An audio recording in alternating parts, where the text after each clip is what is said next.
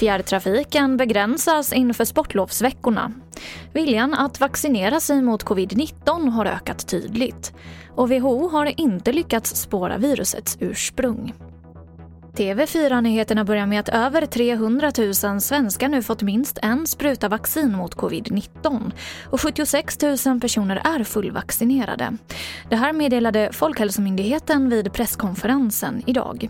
Och MSB uppger samtidigt att viljan att vaccinera sig ökat tydligt. Regeringen oroas av en tredje våg av coronaviruset där sportlovet ses som en riskabel period.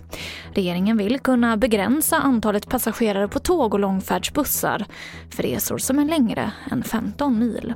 Förslaget skickas idag ut på en kort remiss. Regeringen planerar att fatta beslut senare i veckan och ikraftträdande förutses till den 14 februari, alltså på söndag.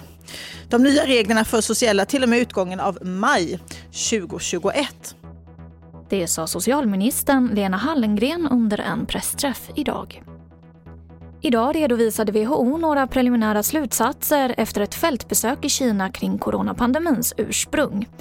Att viruset spred sig från djur till människa är mest troligt enligt WHO som avfärdar den kontroversiella teorin att smittan läckt ut från det virologiska institutet i Wuhan.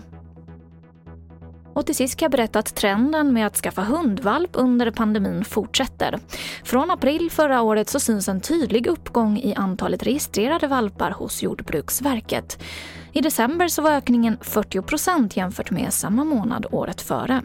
Och nu i januari så är det en ökning med 23 procent jämfört med samma månad förra året. Och det var det senaste från TV4 Nyheterna. Jag heter Emily Olsson.